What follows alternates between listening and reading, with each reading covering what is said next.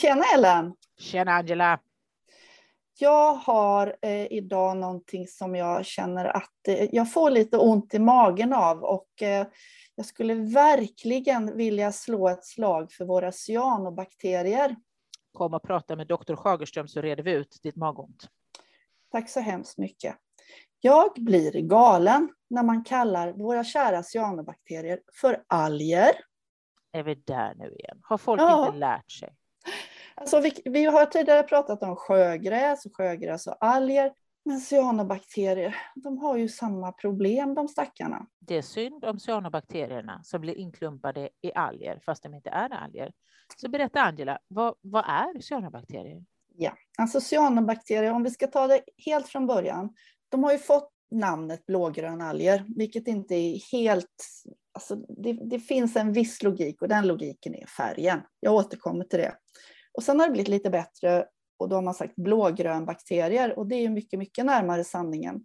Men varför inte bara säga cyanobakterier? Cyan är grekiska för blått och de innehåller klorofyll A, de har det gröna. Så vad är problemet? Ja, det kan man ju undra. Vad är problemet?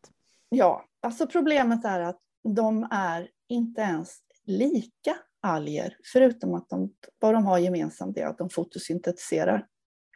Och grejen är, cyanobakterier har en mer primitiv celluppbyggnad. De är bakterier. Så om vi tar det från början, om vi tar liv, Mm. så pratar vi om tre domäner. Och då har vi eukaryoter, vi Det är har de som har cellkärna. jajamän, en redig cellkärna, och sen har vi ju då bakterier. Mm. Och så har vi, som man tidigare kallade för arkebakterier, men nu säger vi arkeer. Det är de här tre domänerna. Och i bakterier så hittar vi då cyanobakterierna, fotosyntetiserande bakterier. Så på den allra, allra grövsta uppdelningen vi har av liv så är cyanobakterierna inte ens med i växter och djur och alger. Nej, alltså Oj. de, de hör till bakterierna. Så de är väldigt inte alger. De är exakt. De är väldigt, väldigt inte alger. Men alltså, sen är det så här taskigt, så här, de har ju alltså en mer primitiv celluppbyggnad. Den är enklare. De här var en av de första fotosyntetiserarna som, som överhuvudtaget fanns på vår planet. Och för att de har en primitiv celluppbyggnad så betyder det inte att deras funktion har några brister eller är primitiva på något sätt. För de är ju helt otroligt fantastiskt framgångsrika överallt på vår planet.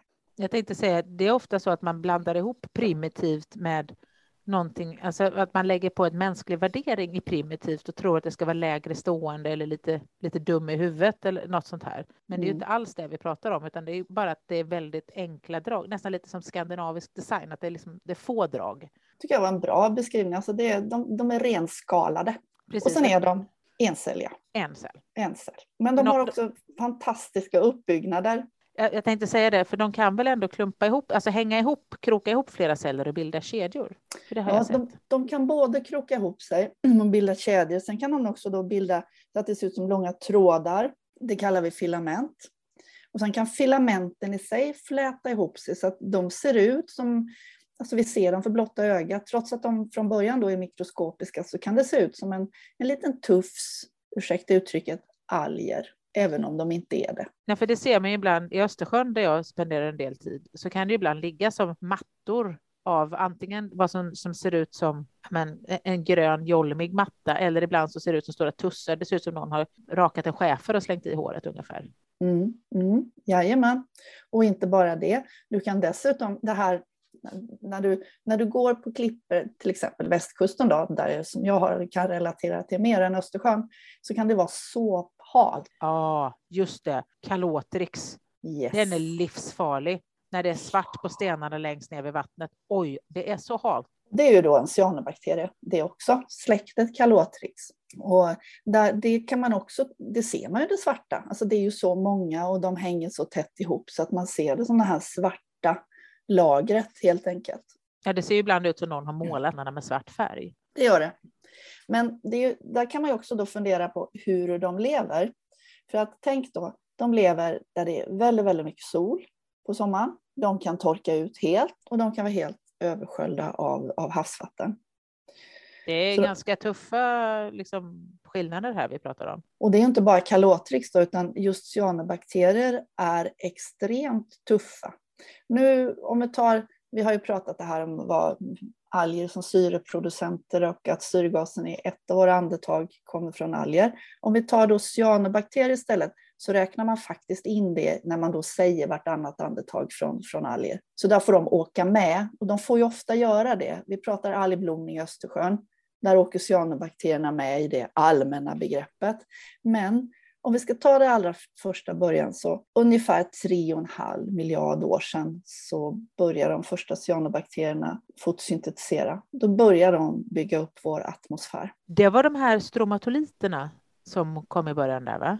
Ja, de kan man hitta som liksom lite sten, stenfossil kan man väl säga. Levande fossil pratar man ju också om. Mm. För jag vet de att det finns eh, gamla sådana eh, stromatoliter på Visingsö. Ja, just det, just det. Jättefina. De är verkligen fina. Man kan hitta dem på många ställen. Alltså man hittar dem över hela världen, de här stromatoliterna. Man säger faktiskt att det var cyanbakteriernas era började för ungefär 2,5 miljard år sedan fram till ja, ganska länge faktiskt. Det, det, det tog ju tid att bygga upp vår atmosfär. Jag tror att det var fram till 500 miljoner år sedan, någonting sånt, som deras era. Man börjar prata om andra eror. Nu vet jag inte hur officiellt det här är, men eh, i cyanobakterielitteraturen pratar man om cyanobakteriernas era. Och det var då den första biten innan det blev den här stora explosionen av eh, växter på land under kambrium. Utan cyanobakterierna var då före dem, eller? Ja, definitivt. Och sen hade vi kiselalgerna också. Och hur mycket jag än, jag måste faktiskt erkänna, hur mycket jag än älskar mina kiselalger djupt och rent, så, så jämfört med cyanobakterierna så ligger de ju i lä. Det, det är så, alltså cyanobakterierna är lite tidigare, lite coolare, lite, lite mer. Där shit. Oh dear.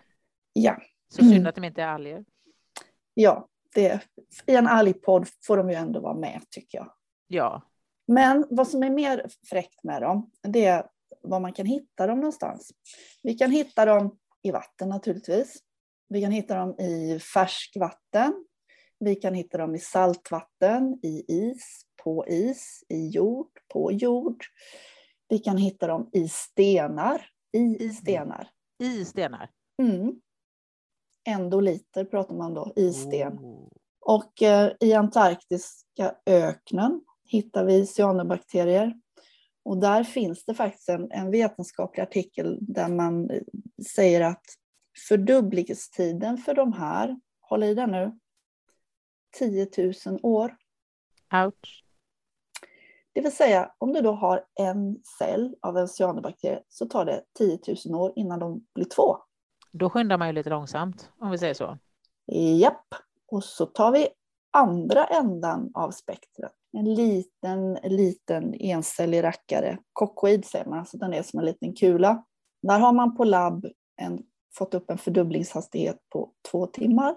Det sätter ju begreppet mindfulness i ett helt annat perspektiv känner jag. Mm. Och då är det väl inte så himla konstigt med det här spektrat och hur de kan leva och vilka miljöer de kan leva i.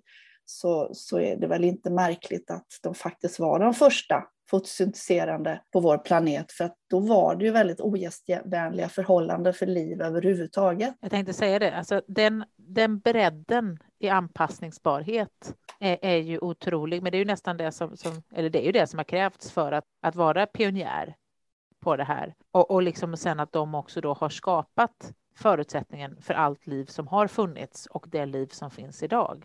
Vi borde ju nästintill tillbe cyanobakterierna, känner jag. Och det vore jättespännande, säger den, den klabb, klabbiga pilla med ekosystemsekologen i mig och bara kan vi ta och exportera cyanobakterier till en annan planet och se vad som händer. Men, men så ska man inte göra. Ajabaja, fel. Men det där var faktiskt väldigt bra, Ellen, för att det är ganska nyligen som man har, det har, det har länge funnits en hypotes om att eh, man kan hitta cyanobakterier på Mars. Men nu är det faktiskt på det viset att det är forskarkollegor i Tyskland som har på artificiell väg återskapat Mars atmosfär och livsförhållandena, eller vad ska man säga, de, de fysikaliska förhållandena som råder på Mars. Och i de här förhållandena har de fått cyanobakterier att växa och föröka sig. Nej, lägg av. Mhm. Ah, vad fräckt. Så att det ligger väl inte så där väldigt, väldigt långt bort att man faktiskt kan hitta just cyanobakterier på andra planeter. Men problemet med de grejerna är ju att man måste vara extremt försiktig när man skickar dit, om det är sonder eller om, vad det nu är man skickar dit och om det är raketer där människor ska landa och så vidare. Alltså vi har ju med oss, alltså man måste skilja på vad tog vi med oss från jorden? Ja, vad ja, fanns alltså, där från början? Precis, jag menar det. Man måste ju verkligen skicka en liten sond som i så fall går i omlopp och sen skicka ner en liten kapsel som är steriliserad utanpå med bara cyanobakterier.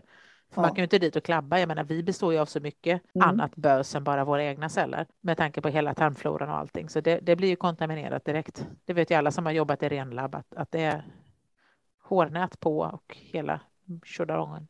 Men visst är det en svindlande tanke att eh, de finns ute i rymden och skulle kunna vara livspionjärer på andra planeter också. Jag tänker ju bara liksom att kunna få, få, få följa en kolonisering av en planet och börja med cyanobakterier, sätta in och bara se hur det liksom, vad händer? Mm. Gud, och då en lite mer snabbförökande kanske då än den som du hade i Antarktis där. Ja, eller hur? lite komplicerat. För oss som vill ha ett resultat i den här livstiden. Ja, gärna. Men eh, då kanske man skulle satsa på den som förökar sig eh, varannan timme, typ. Men hur som helst, alltså, det är ju inte bara så här att vi, vi har dem i jord, sten och allt vi har räknat upp. De är ju även en komponent i, i våra lavar. Ja, jag har läst lavekologi, så det kommer jag ihåg. Har du någon speciell favorit? Av lavarna så är jag lite förtjust i Ramalina-släktet, för jag tycker de är ganska snygga. Eh, brosklavarna finns både på träd och på klippor, fågelbrosklav bland annat. Eh, och sen så är jag lite förtjust i Cladonia-släktet också, för de har så roliga trattar. Är det cyanobakterier som är i symbiosen där, eller? Det vet jag faktiskt inte. Jag ägnade nog mig mer åt att leta upp de små rackarna och lägga dem i min lilla samling. För det är ju en alg och en svamp, eller en cyanobakterie och en svamp. Då. Ja, men precis. I, I någon form av symbios och man är inte säker på om det är ömsesidigt eller inte, eller om svampen håller algen eller cyanobakterien mm. fången. Mm. Har, har, du, vad, hur, hur, hur, verkar det på det? Är du uppdaterad? Nej, inte på den delen. Vi, vi kan väl återkomma till det. Men jag har ju inte ens börjat och, prata om, eller vi har inte ens börjat prata om cyanobakterierna i Östersjön, så att det känns som att vi behöver ha kanske en del två och en del tre och alla möjliga olika delar när det gäller våra vänner cyanobakterierna. Ja, särskilt som att vi, vi också måste lägga lite tid på våra vänner algerna. Yes box. Vad vi däremot måste ta med och göra lite cliffhanger känner jag på detta, det är spirulina. Ah, Spirulina är cyanobakterie och det heter bara spirulina under kommersiella namnet. Släktet i sig heter Arthrospira. Och eh, hur gärna man än vill marknadsföra det här så, så, så är det ofta att det står att det är en alg. Ibland står det då blågrön alg. Eh, och ibland så bara mörkar man det och så står det till och med seaweed. Det lärde vi oss redan första avsnittet att seaweed det är ju makroalger.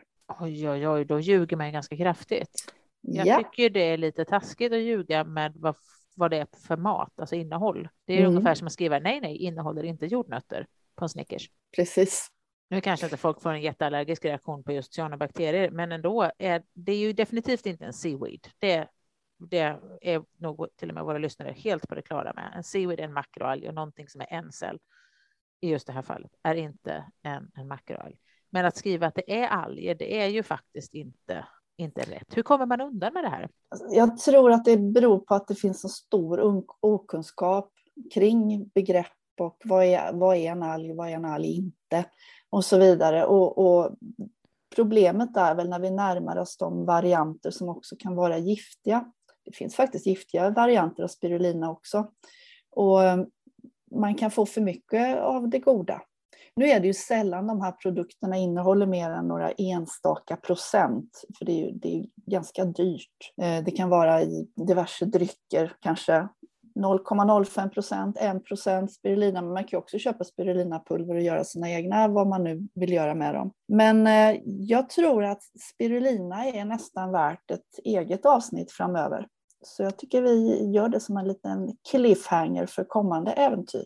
Ja, men det tycker jag absolut. Vi, vi, vi reder ut i spirulinaträsket och så kan vi se vilka produkter som finns och ifall det faktiskt är, eller vad det är. Och så tar vi de så kallade algblomningarna i Östersjön då på sommaren. Där vi har de här tre ord. Ja, Åh, nu, nu, ja, där går jag igång totalt. Ja. Men eh, jag får andas lite och så tar vi det vid ett annat tillfälle.